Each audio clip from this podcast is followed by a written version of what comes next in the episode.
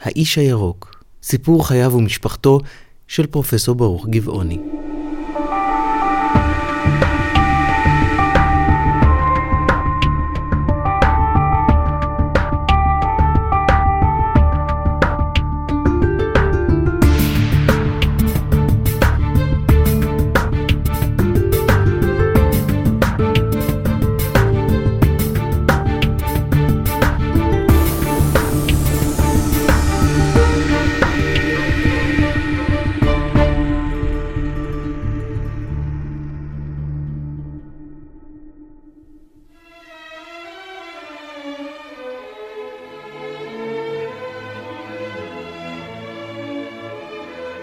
יום שישי בבוקר, השמש האביבית בוהקת ובחוץ שרב ראשון לעונה נוכח מאוד.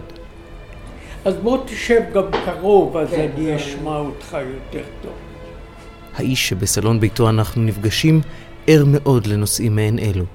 הרי, אחרי הכל, במהלך יותר מ-60 שנים, עד לימינו אנו ממש, הוא עוסק במחקר האקלים והיחסים שלנו, בני האדם, איתו. שוקולדה? טוב, פנק, למה לא? בסלון יושבים שלושה.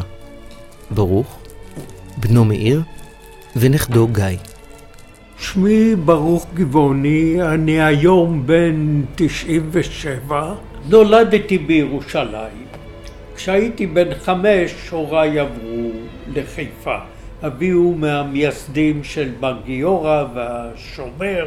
אמי הייתה מבית עמיד בביאליסטוק. כשעלתה לארץ היא מרדה בבית. הם היו דתיים, היא כבר לא דתית. הוריי היו מאוד אידיאליסטים, נגיד כך. וכפי שבגרעינו של התפוח נמצאים הסודות כולם, וממנו התפתח עץ ענף נושא פרי, כך גם המשפט הזה הוא זרע שממנו צמח עץ אבות שענפים רבים לו. פרופסור ברוך גבעוני, חלוץ בתורת האקלימטולוגיה, ומי שפרסם ספרים פורצי דרך בתחומי האדריכלות והפיזיולוגיה, הוא גם אב, סב וסב רבא לנינים ולחימשים, העומד בראש שבט שלם.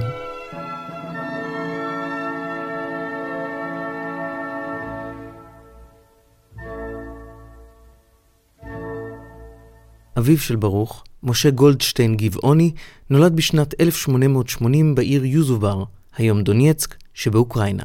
לא הייתה לו השכלה, הוא הרי למד בחדר, אבא שלו היה מורה בחדר, כך שלא הייתה לו השכלה.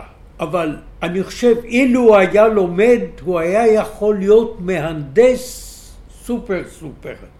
כל דבר מכונה, מכשיר, הוא היה מסתכל, רואה זה, ידע לטפל. בדברי ימי חיינו בארץ הזאת, כתב משה גבעוני את אחד הפרקים החשובים.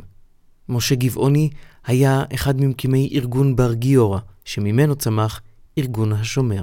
בדם ואש יהודה נפלה, בדם ואש יהודה תקום הייתה סיסמתם, והם האמינו שהמתיישבים היהודים צריכים גם לדאוג בעצמם להגנתם, ולא לסמוך על כוחות של שכירי חרב צ'רקסים.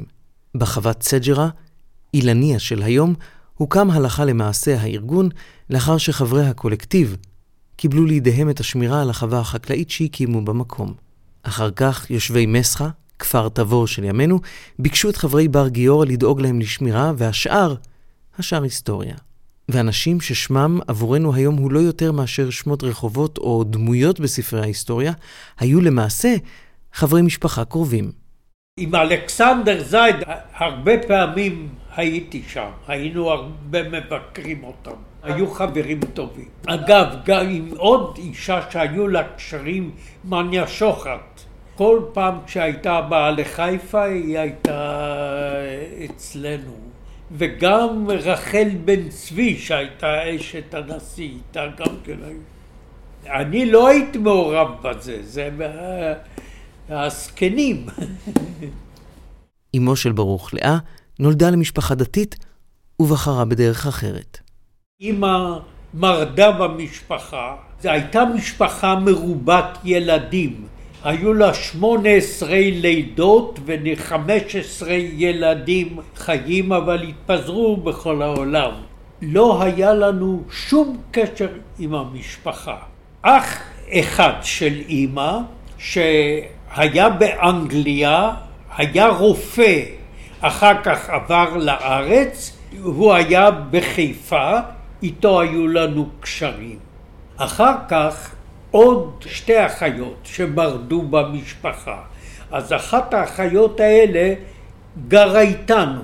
כשהייתי כבר בן חמש, היא לימדה אותי לקרוא. מה קראנו? סיפורי התנ"ך ותנ"ך. לא היו ספרים אחרים, לא היו הספרי ילדים. כך שבכיתה ב' כבר ידעתי טוב מאוד לקרוא וטוב מאוד תנ"ך. וכשיש אי הסכמה במשפחה גדולה, הקרע גדול גם הוא. אני לא יודע על מה היה הריב, אבל זו הייתה משפחה שהיו שם הרבה מריבות, כנראה. למה? אני לא יודע. לא סיפרו לי אז גם לא שאלתי. אחותי הייתה יותר סקרנית. בשיחת ההיכרות עם מאיר, בנו של ברוך, טרם הפגישה בביתו, סופר הסיפור הבא. אבא של סבתא שלי. למד תנ"ך כל גמרא כל היום. אימא שלה ניהלה עסק שהגיע למשהו כמו שתי רחובות בירושלים שהיו בתים שלה שהיא עסקה בהשכרה שלהם. 18 ילדים וילדות, כל אחד גדל אה, עם אומנת פרטית. היא ניהלה עסק ששווה הרבה הרבה הרבה מיליארדים של אז. כשהיא נפטרה, התחילה מלחמת ירושה בין הילדים. כל ילד או שניים או שלושה לקחו עורך דין, ובסיום הגדול, מכל הרבה המיליונים, 80% הלך לידי עורך דין, וכל ילד קיבל כמעט כלום. ברוך מאזין בקשב לסיפור, צוחק ואומר, אתה רואה שהוא זוכר יותר ממני. באופן טבעי מתייחסים לאנשים מבוגרים כאל אנשים עם בעיות זיכרון. ברוך מבקש לתקן את הרושם ואומר, תמיד הייתי כזה. אצלי בעיות זיכרון היו לי אפילו כשהייתי נער. ביגור. שם למד בשנות התיכון? יום אחד כשישנתי, בצהריים, רשמו פה... בקצה האף. ברוך. כדי שאם אשכח יום אחד את שמי, אוכל להציץ ולראות. וזה הרבה פעמים מביא אותי לבעיות. בטכניון היו פונים אליי פרופסור, אז לא הייתי צריך להתייחס לסטודנט בשם. ב-UCLA, בקליפורניה בכלל, פונים בשם. והיו לי סטודנטים מסין וממצרים ומדרום אמריקה, מכל מיני ארצות עם שמות והייתי צריך תמיד בשיחה עם סטודנט למצוא דרך איך להימנע וכשנשאלת השאלה מהן האסטרטגיות אותן פיתח על מנת להתמודד עם המצב, התשובה היא כמובן... אני לא זוכר, אבל אני זוכר שזה לא היה קל.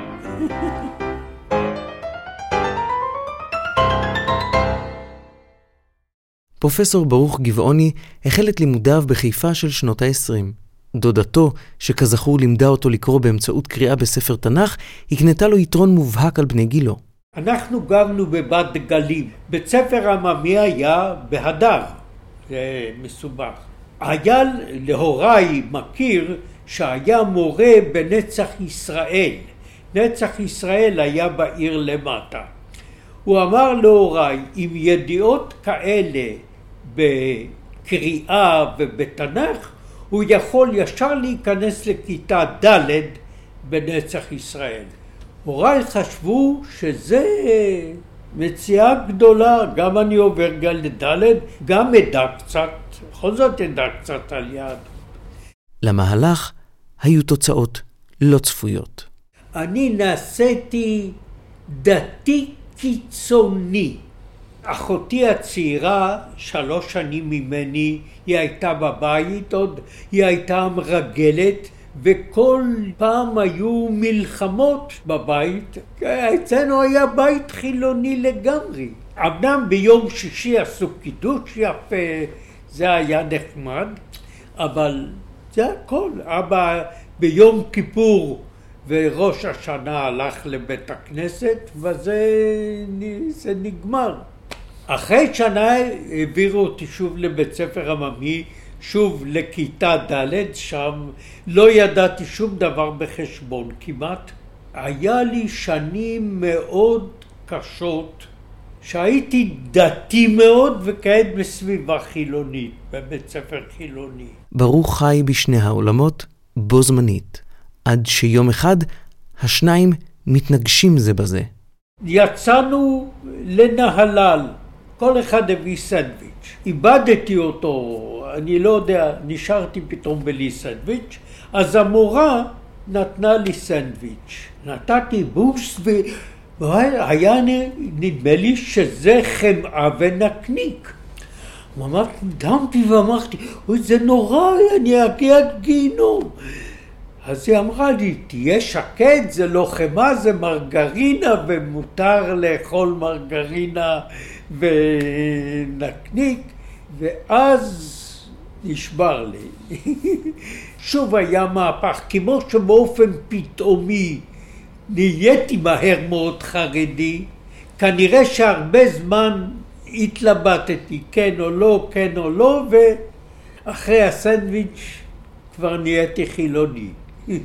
ברוך, שיצא בשאלה, משתלב בתנועת הנוער מחנות העולים. האידיאליזם של הוריו חלחל גם אליו.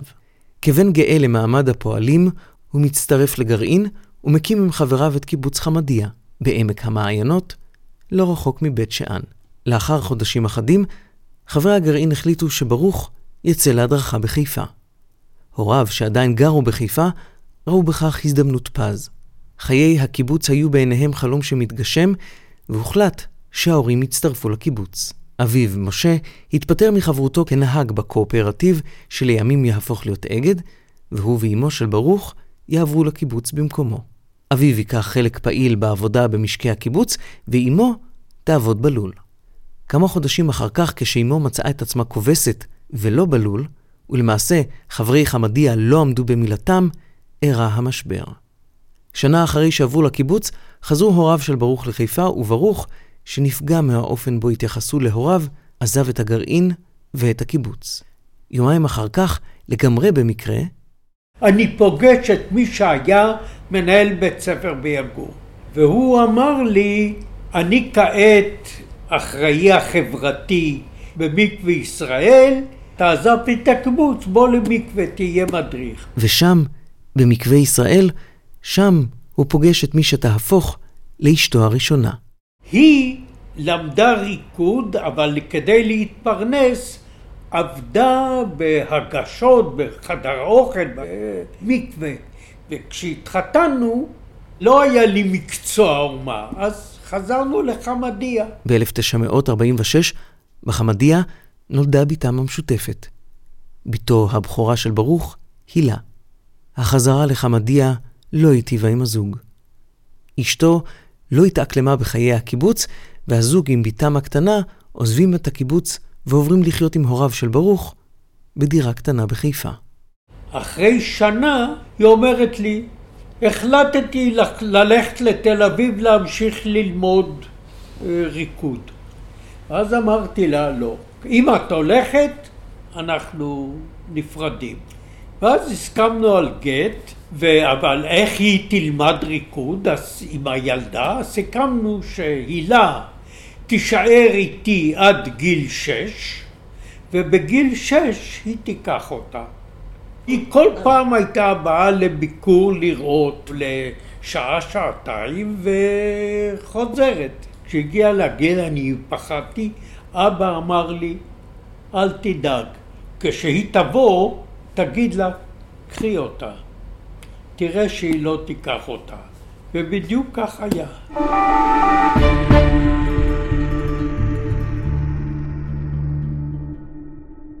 העובדה שהיום פרופסור ברוך גבעוני הוא אחד המדענים המצוטטים בעולם, שכתביו בנושאי אקלים, פיזיולוגיה ותכנון ערים הם בבחינת תיאוריות בסיס בתחומים רבים, היא אינה דבר המובן מאליו.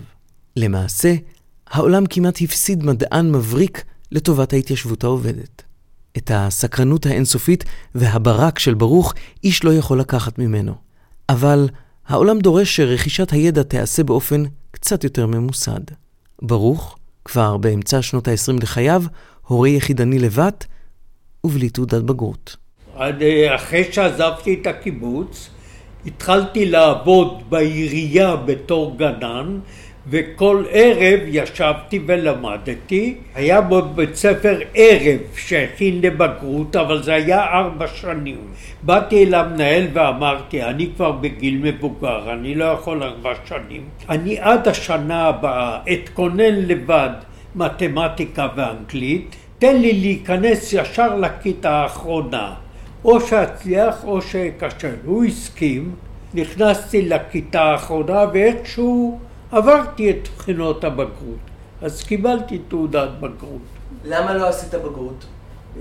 חשבנו מה, בשביל קיבוץ, מה אנחנו צריכים תעודת בגרות?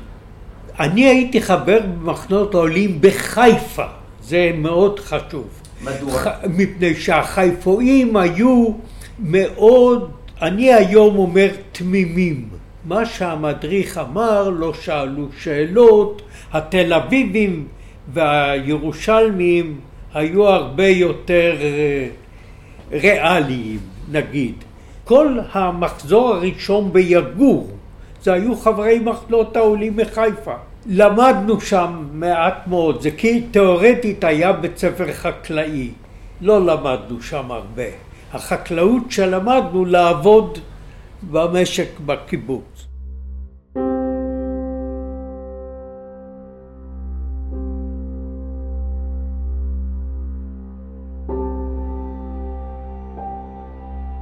החודשים הראשונים של מלחמת העצמאות, בין ההצבעה באו"ם בכ"ט בנובמבר ועד לסיום המנדט הבריטי על ארץ ישראל במאי של 1948, שלב שניתן לכנותו עממי יותר בשל העובדה שנלחמו זה בזה כוחות מקומיים יהודים וערבים, והכוחות הבריטיים עוד היו בארץ, כללו באזור חיפה בעיקר התקפות והתקפות נגד על אזרחים בדרכים ועל נקודות אסטרטגיות.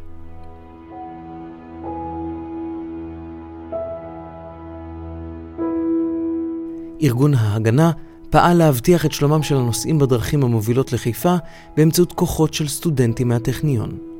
אחד מהם, מאיר כהן, היה חבר של ברוך משנותיו בחמדיה.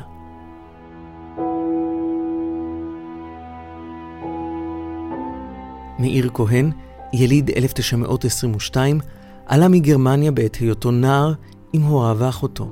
המשפחה השתקעה בירושלים. על אף שהיה תלמיד מצטיין במתמטיקה, בחר להמשיך עם חבריו ממחנות העולים והשתקע בחמדיה. הוא לחם במהלך מלחמת העולם השנייה כחייל בבריגדה היהודית של צבא הוד מעלתו, והשתתף בקרבות באיטליה, באוסטריה ובגרמניה. בשנת 1945 נשא לאישה את חיה, חברת קיבוץ חמדיה, חברת נעורים של ברוך מחיפה.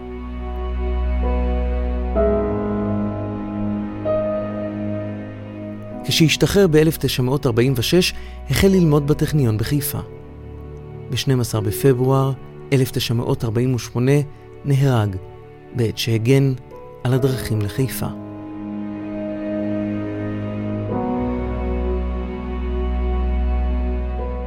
כשבא ברוך לנחם את חברת נעוריו על מות בעלה, פגש בחדר את אחותו של מאיר, יהודית.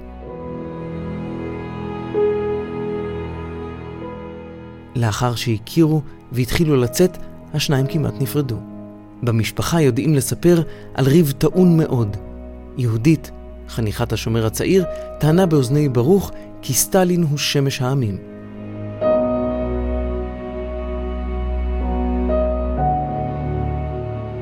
ברוך, איש מחנות העולים, לא הסכים בלשון המעטה. אחרי שנרגעו הרוחות, הסכימו השניים לחיות את חייהם יחדיו מבלי לדון עוד בסוגיה. שלוש שנים לאחר שהכירו, נישאו השניים ב-1951. כשבשנת 1953 נולד בנם המשותף, הם קראו לו מאיר, על שם הדוד שמעולם לא הכיר.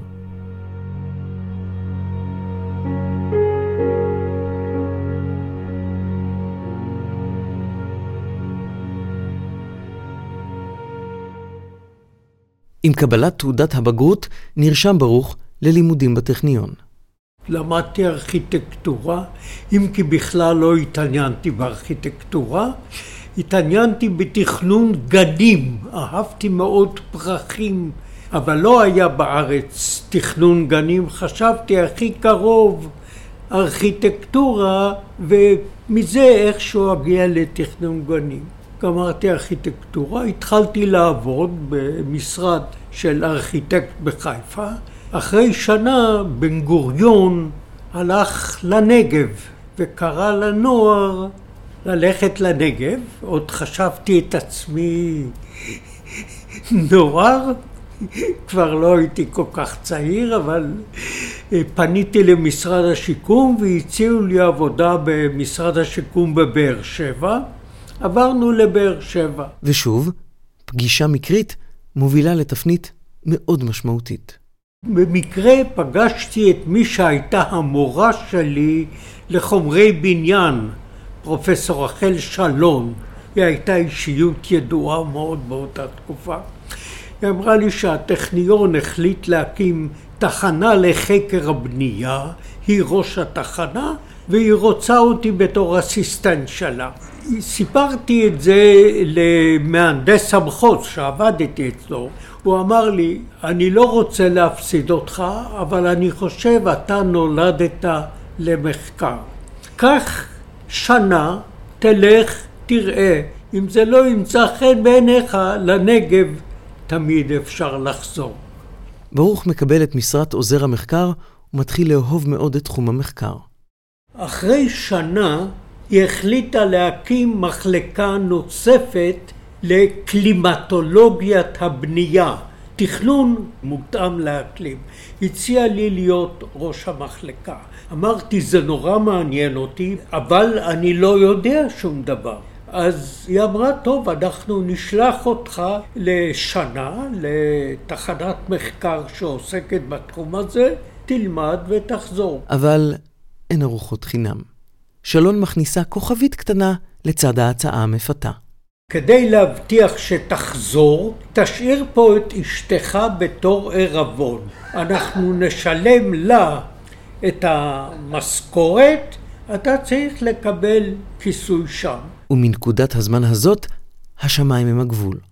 אבל כמו בכל ההתחלות בחייו, וכפי שיוכח בהמשך, בכל מקום אליו הגיע, גם כאן יש תמהיל של הרבה מזל והמון עבודה קשה. תחנת המחקר שמחה לקבל אותו, אבל הייתה בעיה קטנה. אין להם מחקר פעיל בתחום קלימטולוגיית הבנייה. יש להם מחקר בפיזיולוגיה, והפיזיולוג צריך עוזר, ולזה יש תקציב.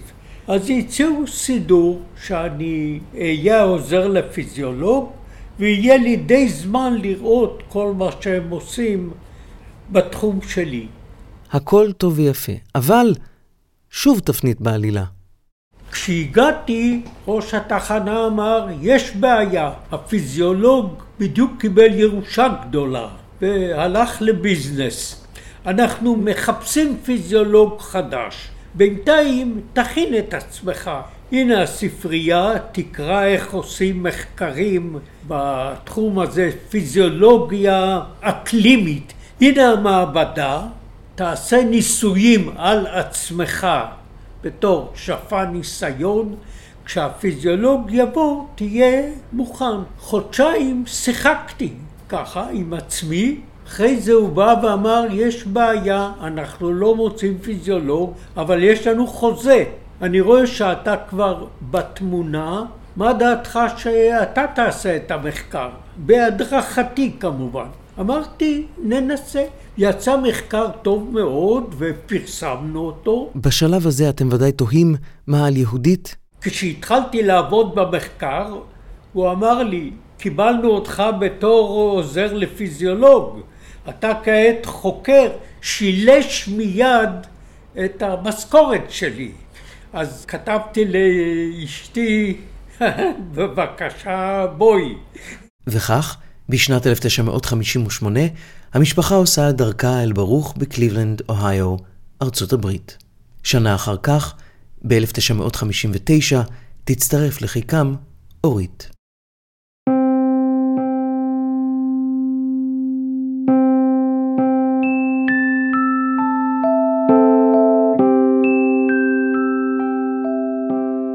מי שהתעניין בפרחים ובצמחים והלך ללמוד אדריכלות, עבד במשרד השיכון בבאר שבע כאדריכל והפך חוקר במכון לחקר הבנייה, מוצא עצמו נכנס לתחום מחקר חדש ושונה מאוד ממה שלמד והתמחה בו עד כה. מה יש בה, בפיזיולוגיה שכל כך משך אותו? אתה רוצה שלאנשים יהיה נוח. ממש התלהבתי מהשטח, כי כדי לתכנן בניינים, האם אתה רוצה אוורור או אם אתה רוצה הורדת טמפרטורה. מבחינת הבנייה זה ניגודים, זה יש הרבה בעיות, מה זה נוח. ועל מנת להבין מה זה נוח, צריך לחקור. ברוך מחליט להמשיך לתואר שני בפיזיולוגיה בארצות הברית. אז ההמשך המתבקש הוא להתקבל ללימודי תואר שני בבית ספר לרפואה הפעם, אצל פיזיולוג בעל שם, פרופסור הרווד בלדינג בפיטסבורג. באתי אל פרופסור בלדינג ואמרתי אני רוצה לעשות מאסטר אצלך.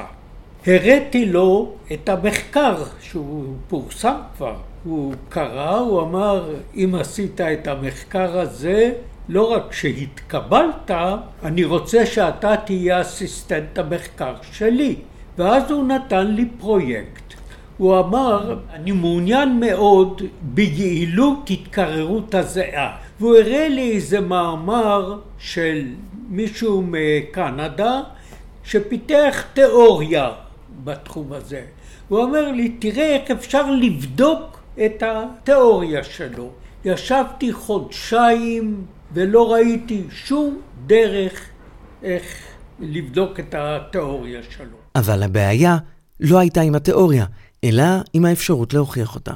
ואז, האוריקה. צריך מושא מחקר שניתן לשלוט באופן אבסולוטי על כל משתנה בו.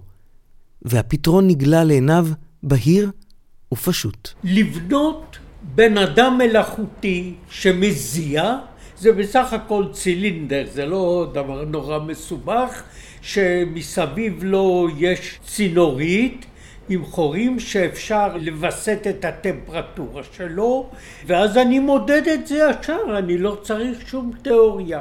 אז הוא אמר לי, I will give you everything that you need to do it, but you are on your own. אני יותר לא רוצה לראות אותך בענייני המחקר.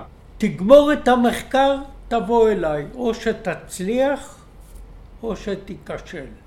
לא רק שהצלחתי למצוא את המודל המתמטי לחשב את התאדות הזיעה, בלדינג התפרסם בעולם מפני שהוא פיתח נוסחה על החלק היחסי של טמפרטורה ורוח ותכונות בגדים, אבל זה היה מבוסס רק על ניסויים, לא היה שום הסבר תיאורטי. המודל שאני פיתחתי נתן גם את הבסיס התיאורטי למודל שלו. הוא נורא התלהב ואמר על העבודה אתה מקבל את הציון הכי גבוה מכיוון שעשית הכל לבד אני מכפיל לך את הקרדיט אנחנו נפרסם את זה גבעוני and בלדינג ומי שדובר אקדמאית שוטפת מבין עד כמה המסר ברור.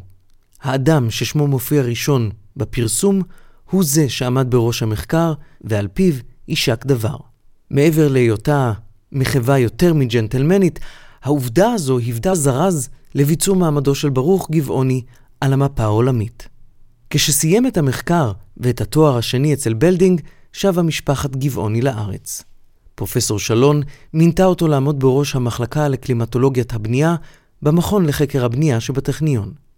במקביל, עשה את הדוקטורט שלו בפיזיולוגיה סביבתית באוניברסיטה העברית, המקום היחיד למחקר מסוג זה באותה תקופה בארץ. שם, כמובן, שמחו מאוד לקבל אותו. שמו הלך לפניו. נושא הדוקטורט, כמה עליך להזיע על מנת לקרר את הגוף. ואם תהיתם, המשתנים המשפיעים על התשובה לשאלה מאוד מגוונים, החל בתנאי מזג האוויר עצמם וכלה בתכונות הבגדים שעל גופנו. עבודת הדוקטורט שלו והמודל שפיתח הפכו לפרסום נוסף. שמו הפך נרדף לתחומי ההתמחות שלו. וכמו באגדות, יום בהיר אחד, לונדון על הקו. קיבלתי הזמנה מאנגליה לכתוב ספר. הספר הפך לבסט סלר. הספר Man, Climate and Architecture, שפורסם לראשונה בשנת 1969, הפך לאחת מאבני היסוד בתחום הבנייה. בשנת 1970 פורסמה סקירה ספרותית על הספר ב-American Journal of Public Health.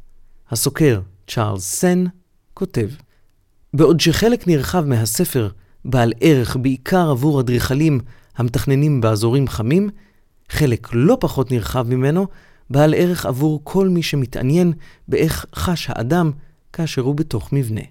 הוא תורגם לצרפתית, תורגם לסינית. אתה רואה, יצאה הוצאה שנייה, יצא פייפרבק. דווקא הסינית הכי נחמד.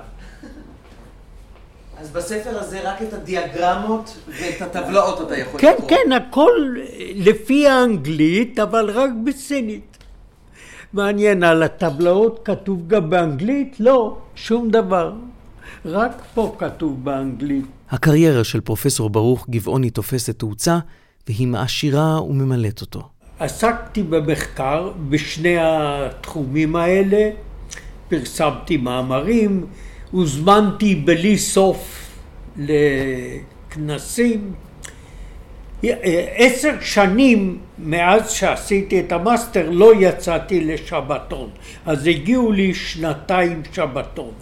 קיבלתי שתי הזמנות, אחת מברקלי ושנייה מהצבא האמריקאי, תחנת המחקר של הצבא האמריקאי בנייטיק על יד בוסטון.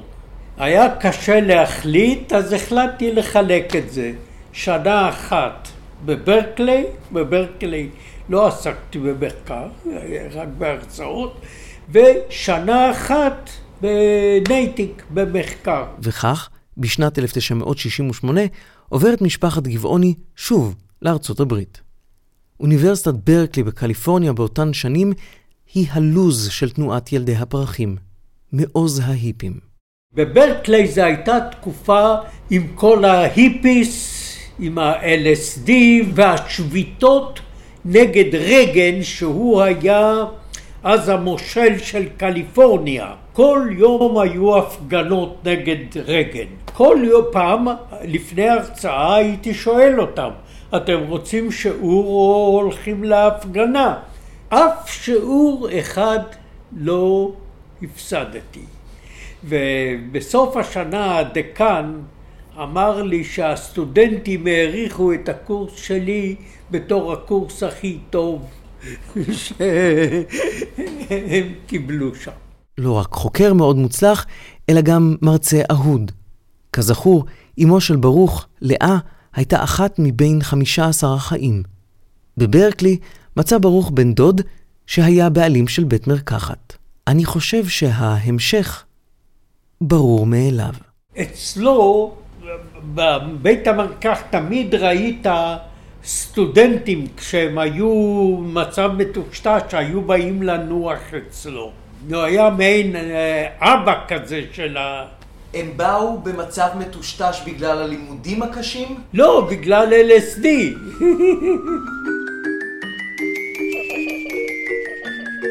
ב-1968, קליפורניה, ברקלי. LSD. הצעד הבא של ברוך מתבקש. רציתי לנסות, כי כולם אה, לקחו LSD. אבל ידעתי, אם הוא ייתן לי, הוא ייתן לי את הדבר האמיתי. לקחתי כדור, 24 שעות היו לי דמיונות, משהו פנטסטי.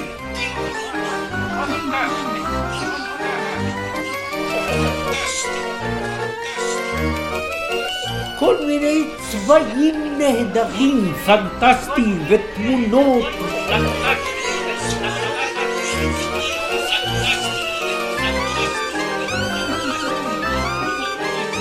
הכל היה נורא צבעוני.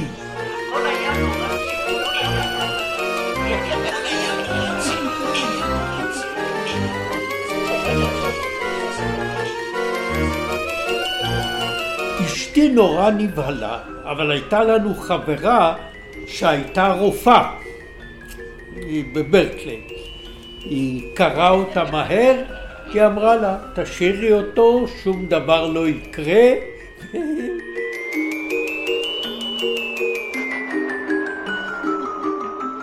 עמית, כשאתה נמצא בברקלי וכולם שם לוקחים את זה ואתה כל הזמן שומע על זה זו הייתה חוויה. אבל יותר החלטתי, זה הספיק לי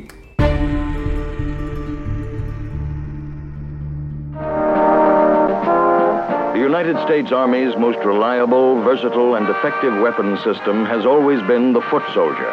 He can function in many environments, handle many situations.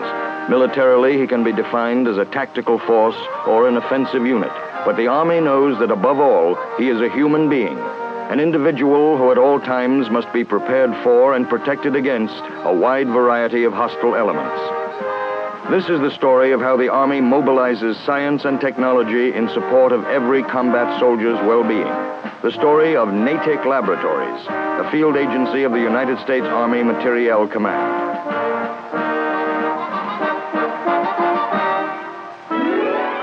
אחרי השנה הסוערת בברקלי, ברוך עובר למחקר בצבא ארצות הברית בבסיס בנייטיק. הוא מפרט מהם תנאי המחקר הבסיסיים. בתנאי אקלום מלאכותי. זה רק לגבי אנשים צעירים ובריאים, זה חיילים, כי כל המחקרים שלי היו או על חיילים או על סטודנטים, פרט למחקרים בדרו, במזרח אסיה. It's been raining in this room for five days. This is NATIC's rain court, one of several controlled climate chambers at the laboratories. כל פעם היו לנו, כל חודש, מתנדבים חדשים. מתנדבים לא חסרו, אנשים נהרו לשם כי זה היה בזמן מלחמת וייטנאם. הרבה יותר טוב לסבול בחדר אקלים מאשר ללכת לווייטנאם. וללכת עם משקל על טרדמיל. ביום הראשון כולם היו נופלים. תוך שבוע כל פעם ראית יותר ויותר ויותר אנשים מצליחים. אפשר היה לראות מיום ליום איך טמפרטורת הגוף לא עולה כל כך...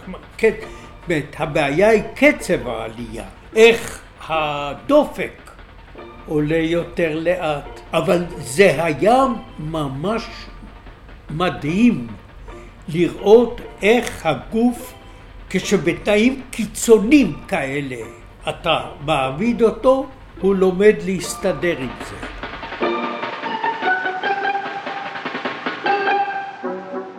התחושה המודרנית של הכפר הגלובלי לעתים משכיחה מאיתנו את העובדה שגוף האדם לאו דווקא צועד בקצב הטכנולוגיה, והתפיסה מהי נוחות שונה מאוד ממקום למקום.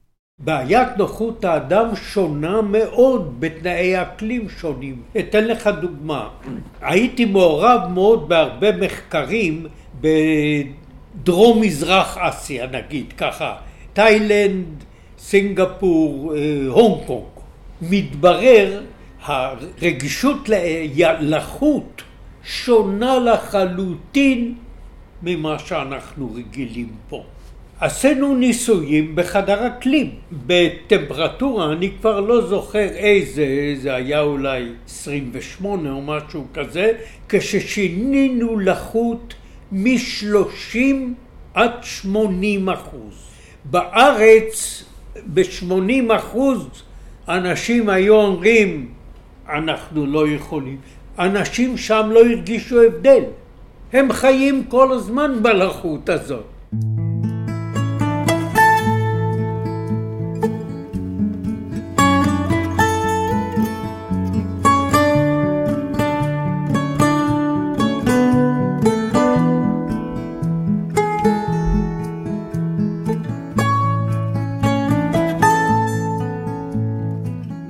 מחקריו של פרופסור ברוך גבעוני תוהים על טבע גוף האדם. ונדמה שבכל דור במשפחת גבעוני תוהים על טבע האדם עצמו ועל רוח האדם. שתי הבנות שלי חזרו בתשובה. בתי הבכירה חזרה בתשובה, חברה שלה אמרה, יש איזה סמינר לשבת, שישי שבת, תנאים מצוינים. היא הייתה חילונית לחלוטין. היא סיפרה לי שעד שלוש בבוקר לא יכלה להתנתק מההרצאות. אז אחרי הסמינר הזה הלכה לעוד סמינר ועוד סמינר ושוכנעה הגיונית שהיה מעמד הר סיני ובני ישראל קיבלו את התורה וזה הכל אמת. ואז אם זה אמת, היא קיבלה. אגב, הבטחתי להם ללכת להרצאות האלה. הייתי פעמיים, הרצאות יוצאות מן הכלל. באמת, מבחינת רמת המרצים, מצוין. אותי זה לא שכנע. נהניתי מאוד מההרצאות, אבל לא שוכנעתי שבאמת היה מעמד הר סיני. בתי הצעירה זה היה סיפור אחר לגמרי. היא הייתה סטודנטית בירושלים, סטטיסטיקה וסוציולוגיה חברתית. אתה יודע מה זה רשימת הרקטור? 24 הסטודנטים הכי טובים באוניברסיטה, היא הייתה ברשימת הרקטור. סטודנטית מבריקה. בירושלים הייתה לה חברה דתית. שכל יום שישי הזמינה אותה אליהם הביתה. האווירה שהיא מצאה שם שכנעה אותה שאלה, זו דרך החיים הנכונה. באמצע לימודי המאסטר החליטה להפסיק, הלכה לרב שימצא לה חתן, הוא פגש הרבה בחורות, לא מצאו חן מעיניו, אצלה זה היה הראשון. נדבק. כמי שהיה משני צידי המתרס, איך הוא הגיב לבחירה של בנותיו? טוב, פה זה באמת הבדל מעניין ביני ובין אשתי. אשתי לא השלימה עם זה. תמיד זה כאב לה. אשתי יהודית הייתה women's sleep, ופה פתאום האישה מוותרת על כל זכויותיה העצמאיות, והיא ברשות הבעל. זה נורא כאב לה. כל זמן שעוד הייתה בהכרה מלאה, זה כאב לה. הגישה שלי הייתה הפוכה. אמרתי, זה חיים שלהם. אם הם בחרו בזה, והם מרגישות שטוב להם, זה טוב גם בשבילי. לא רק קיבלתי את זה, אני לפעמים מתווכח איתם, כי בכל זאת יש דברים שאני חושב שמאוד לא צודק בחיים הדתיים, בייחוד כל מה שנוגע לענייני נשים, אבל אז יש לנו לפעמים ויכוחים, אבל זה לא פוגע במשהו בזה שאני מקבל את דרך החיים שלהם. אני מצד אחד מעריץ את הנשים החרדיות, כמה הן מקדישות את חייהם בעבודה קשה, גם לפרנס את הבעל, גם לגדל ילדים. יש לי גישה מאוד שלילית לגברים. אבל גישה לחוד וקשר עם הנכדים לחוד. קודם כל, הם באים הנה, הרבה פעמים באים לבקר אותי, ותמיד אה, שמחים כשאני פוגש אותם אצל ביתי וכך, אה, זה נחמד.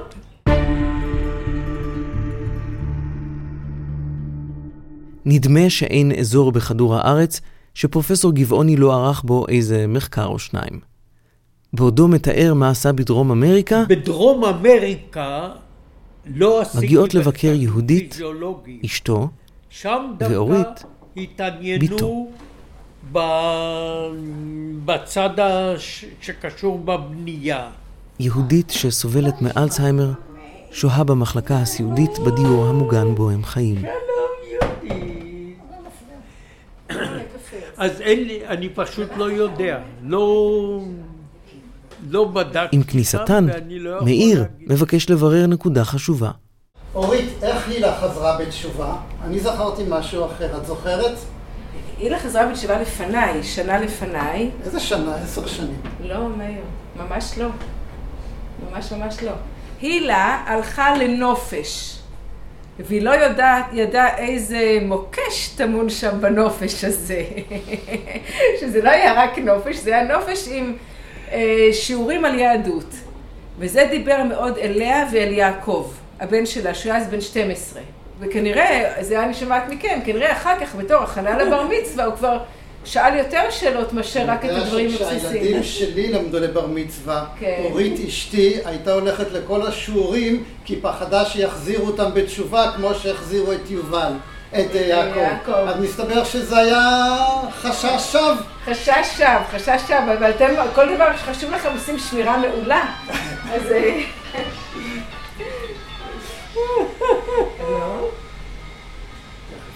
כן, חיים. תראה רק איזה דמיון יש בין אימא שלי ובין מה שאבא שלי צייר אותה שם. כך היא בדיוק נראתה לפני עשר שנים. ברוך מבקש להבהיר מיד שלא מדובר בפורטרט של מודל. אבל לפי צילום, לא, אבל זה לא לא. צילום ממש. זה שוב סיפור מצחיק. בקורס א' בטכניון ציור היה חובה. אני באתי למורה לציור ואמרתי אני לא יודע לצייר, תפתור אותי. הוא אמר לא, זה חובה. כל ציור שציירתי אמרתי לו זה לא מה שאני רוצה. הוא אמר לא חשוב מה שאתה רוצה, חשוב מה שיוצא. אחד הציונים הכי גבוהים שיש לי מהטכניון זה בציור. אחרי שנגמר שנה א', זה יותר לא היה חובה, בכל זאת החלטתי שאני לא יודע לצייר, מאז לא נגעתי בציור עד שבאתי הנה. כן, אבא כל דבר מומחה בכמה דברים. יש כמה דברים מיוחדים אצל אבא. דבר ראשון, הרצון ללמוד כל דבר, היא סקרנות ללמוד כל דבר, כמו ילד בערך בן ארבע. נשאר לו גם בגיל הזה, בלי עין הרע, סקרנות להתחיל כל דבר חדש, ומרץ ללמוד כל דבר חדש. מחשבים... אה, לא משנה מה, כל דבר חדש זה מעניין. ממש סקרנות, התעניינות של ילד. ודבר שני, אחרי שהוא מצליח במשהו, הוא תמיד ממעיט את זה. טוב, זה רק מתמונה, זה רק מזה, זה שום דבר, מה, מה הבעיה? היה לי ציור, אז ציירתי, כאילו שום דבר. זה שני דברים שאבא מיוחד בהם. אחרי הפסקת קפה קצרה, אנחנו חוזרים אל השיחה. ב-83 קיבלתי הזמנה מ-UCLA לבוא לשלושה חודשים לשם. נסעתי, ואז אחרי זה הציעו לי שכל שנה אני אבוא. שלון מאוד התלהבה מזה, מפני ששם ראיתי כל מה שנעשה באמריקה ויכולתי להביא את זה לארץ. אז שלוש שנים כך. שלון יצא לפנסיה, מי שהחליף אותה אמר הוא לא מסכים. נשיא הטכניון, שרצה לאפשר לפרופסור ברוך גבעוני להמשיך ולהרצות שם, הקים ועדה על מנת לבחון את החלטתו של מחליפה של פרופסור שלון, והוועדה תמכה באיסור שהוטל על ברוך ללמד את סמסטר הקיץ ב-UCLA. באותו זמן גם הייתי יועץ קצת לאוניברסיטת בן גוריון. הם שמעו על זה, אמרו בוא אלינו, תהיה פרופסור מחקר אצלנו, חלק מתנאי העבודה שלך, כל שנה שלושה חודשים אתה ב-UCLA. אז עברתי ככה, אחרי עשרים שנה בטכניון, ברוך ויהודית עוקרים לדרום.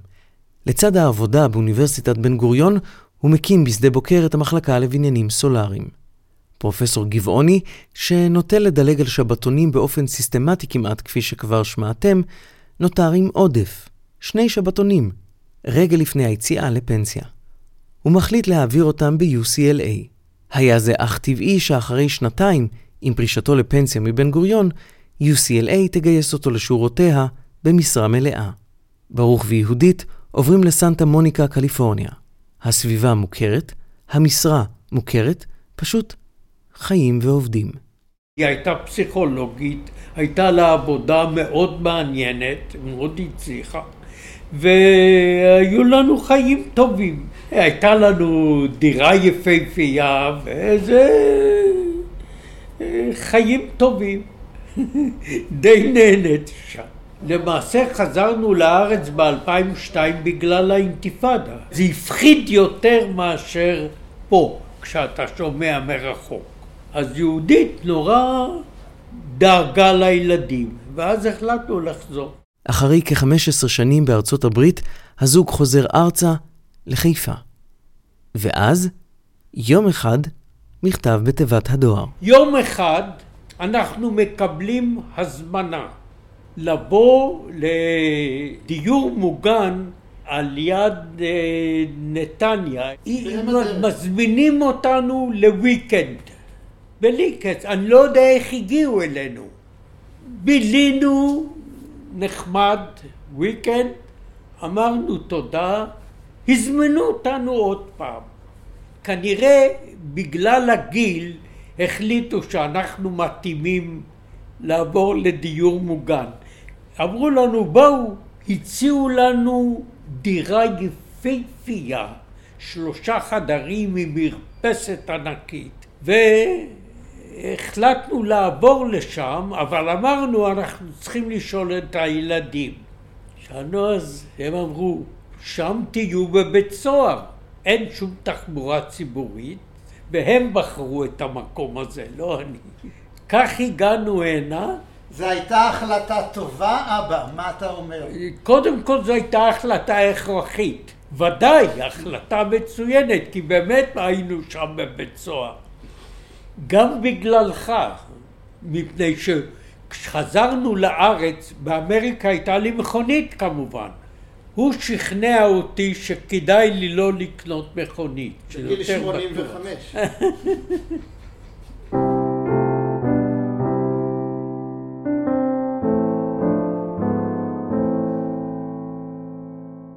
בסלון ביתו שבדיור המוגן עוצר פרופסור ברוך גבעוני את שטף השיחה וחושב בקול רם על דבר מה שנראה שהטריד אותו זמן רב. המשפחה ודאי סבלה נורא, והיום כשאני חושב, אני חושב הייתי מאוד לא הוגן כלפי המשפחה. כי רק חשבתי על הקריירה שלי. הם לא אמרו לי, לא התלוננו, אבל אני בטוח שאשתי והילדים סבלו מזה. אבל אני לא הרגשתי בזה. היום אני חושב שעשיתי שגיאה בזה שהזנחתי את המשפחה בגלל ההתמקדות העודפת בעבודה. למה אני אומר עודפת? כי חלק מזה זה לא היה מפני שכל כך התעניינתי במחקר, אבל זה כל כך היה מחמיא שמזמינים אותי ומזמינים אותי ומזמינים אותי. באמת לא השקעתי במשפחה, זו עובדה. אתה חושב שאם היית כן משקיע במשפחה, זה היה פוגע בהישגים שלך? אני חושב שאתם הייתם יותר, אה, מרגישים יותר טוב. מה הפסדתי? אורית ששהתה בחדר הסמוך מעודכנת בדבריו. האם היא חושבת כמוהו? אבא מאוד מאוד התרכז בעבודה. אני חושבת, מטבע הדברים, שאדם מאוד מאוד מתרכז בדבר אחר, אז אולי הוא קצת פחות שם לב לדברים אחרים. כן, אבל זה, מה נקרא שילמה מחיר? למה הכוונה? למה אתה מתכוון, אבא? כשאתה... לא, אני חשבתי ש... אני חושב, לא חשבתי, אני חושב שהמשפחה מאוד סבלה מזה. מאוד סבלה זה נראה לי מוגזם. מאוד סבלה לא. אבל אה, אולי אם היית קצת פחות עסוק בקריירה, אז היית יותר, היינו יותר נהנים ממך, אבל מאוד סבלה זה ממש נראה לי מוגזם לחלוטין. אני לא חושבת שאני מאוד סבלתי, ממש ממש רחוקה מלהגדיר את הילדות שלי כסבל, ממש ממש לא. לא יודעת עד כמה השפעה הייתה לקריירה של אבא על, על העיצוב שלי, אישיות שלי, לא יודעת. אני גם לא בטוחה. אני אספר לך מה שסיפרתי לאמיר. מתי החלטתי שאני אהיה מהנדס ולא חוקר? יום אחד שאלתי אותך אם לא מפריע לך שאין הרבה בניינים שבנויים לפי השיטה שפיתחת. ואתה אמרת לי ככה, אני חוקר, אני איש אקדמיה. אני ממציא נוסחה, עושה ניסויים, רואה שהנוסחה נכונה, מפרסם אותה בעיתון נחשב, וזה שיא הסיפוק שלי. נכון. לא מעניין אותי אם זה נבנה או לא נבנה. נכון. אז, ואז אמר... הג'וב שלי זה לעשות את המחקר. אם הראשים רוצים ליישם או לא, זה בעיה שלהם. ודאי, אני אשמח מאוד, אבל זה לא דבר שאני צריך להשקיע בו. זאת הייתה הגישה שלי. נקודת המפגש שבין אדם, טבע וסביבה, או כשם ספרו הראשון, אדם, אקלים וארכיטקטורה, מובילה לשאלה על הנושא החם, תרתי משמע, של זמננו. זה עובדה שיש התחממות. השאלה, מה תרומת בני האדם להתחממות הזאת? למה אני אומר שיש לי שאלות? הייתי עשר שנים בוועדת ייעוץ של ארגון הבריאות הבינלאומי. אני חושב שאני היחידי הייתי שם שלא הייתי נציג של מדינה. ראיתי שם עד כמה יש פוליטיקה בדיונים שכאילו הם מדעיים. אז אני כעת חושד שחלק גדול מכל הצעקות האלה הם חלק מאידיאולוגיה פוליטית. יש התחממות, רואים בקרחונים. על העובדה הזאת אין ויכוח. כל הוויכוח הוא מה המשקל היחסי של הזיהום של האוויר בהשוואה לגורמים שלא קשורים בנו. השאלה שלי, איך אנחנו יכולים להתכונן לדבר הזה? פשוט לבנות בתים שצורכים פחות אנרגיה ושמתחממים פחות. איך עושים את זה? בשביל זה כתבתי ארבעה ספרים.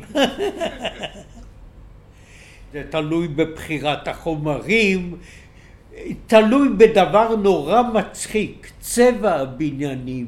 אתה לא מתאר לך איזה משקל יש לצבע הבניינים בהתחממות של הבניין ושל העיר בכללה.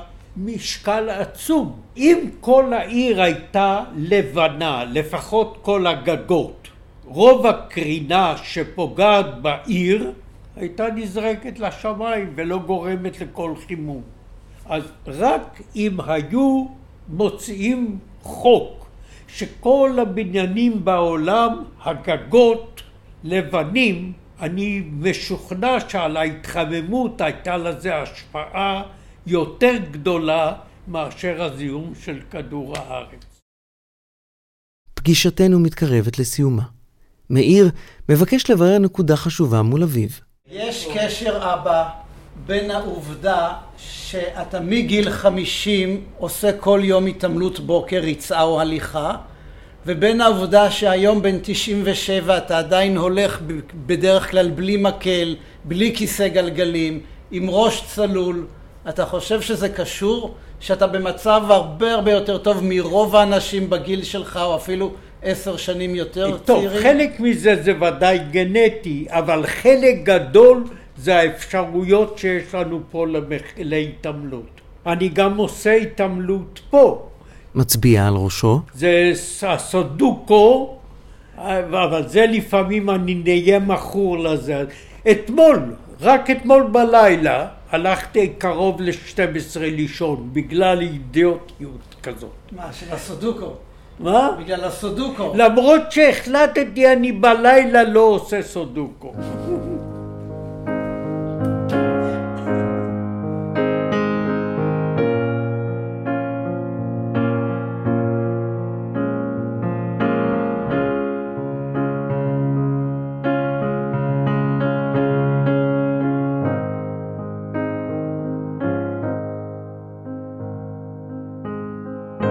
בגיל 97, פרופסור ברוך גבעוני עדיין פעיל בקבוצת מחקר, והוא מנהל את הקשר עמם באמצעות המחשב והטאבלט. למעשה, עד לפני שנים אחדות עוד היה טס מדי שנה להונג קונג להרצות. כשהיה בן 94, אסרה עליו הרופאה לטוס עוד.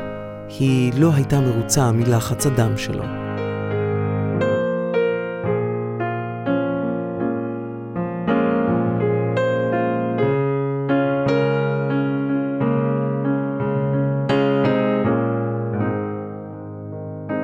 כשהוא מתבקש לזכור במבט את הקריירה העשירה והמגוונת שלו ולזהות החלטות מהותיות שקיבל במהלך הדרך, הוא עוצר, חושב, שוקל ועונה.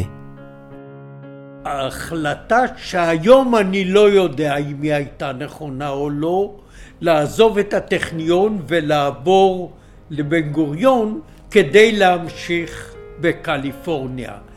זה מצד אחד פתח לי אפשרויות מקצועיות הרבה יותר גדולות משהיו לי אילו הייתי נשאר בטכניון. מצד שני, אילו הייתי נשאר בטכניון הייתי בונה משהו, מקים קבוצת מחקר או יורשים או מה בתחום הזה. מכיוון שעברתי ממקום למקום, אני לא חושב שהיום יש איזשהו מחקר משמעותי בארץ בתחום הזה. אני רואה הרבה חוקרים שבנו משהו שנמשך באוניברסיטה. מבחינתי זה לא קרה. זאת אומרת, אישית זה תרם לי, אבל מצד שני לא השארתי אחריי משהו, השארתי ארבעה ספרים.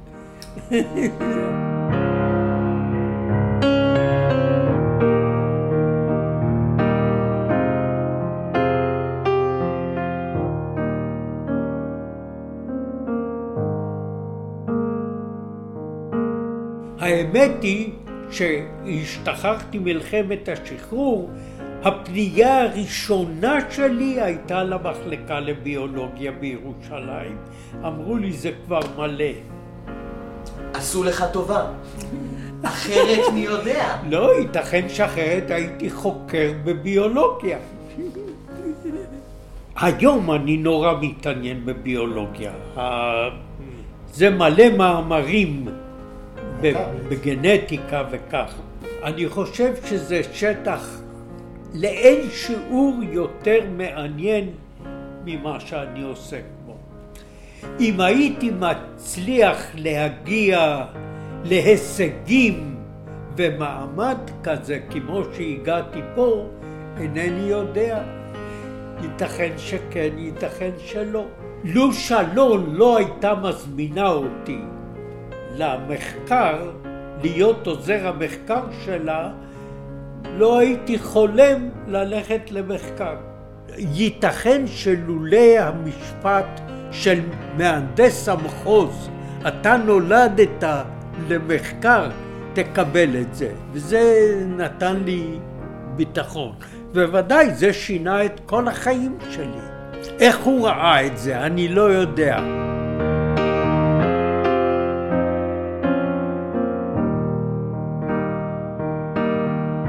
כל ההתפתחות המקצועית שלי, אילו הפיזיולוג לא היה מקבל את הירושה, לא, לא היה לי מושג בפיזיולוגיה, הייתי פשוט מנקה את המכשירים, מכוון אותם וזה הכל. תראה אחר כך גם הדברים האחרים כמעט רובם לא היו ביוזמתי. אירועים שקרו וכיוונו את זה לכל מיני כיוונים.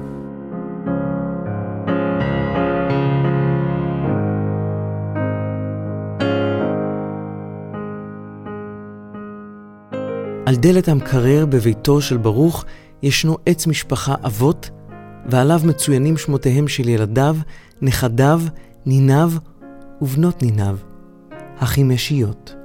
רגע לפני שאנחנו נפרדים, הוא מספר בחיוך קורן. הבת של בתי הבכירה היא גרפיקאית, אז היא עשתה את זה. אנחנו עומדים פה ליד זה, מה אתה רואה? אני דווקא אישית נהנה מאוד, כי מעניין, אחרי השואה, התגובה שלי הייתה, הדבר החשוב ביותר עכשיו, שיהיו הרבה ילדים יהודים. הלכו לאיבוד שישה מיליון, צריך הרבה, ומבחינה זאת, אם אני תרמתי לעם היהודי, זה נותן לי הרגשה טובה. מלבד זה שאני באמת אוהב את הילדים האלה.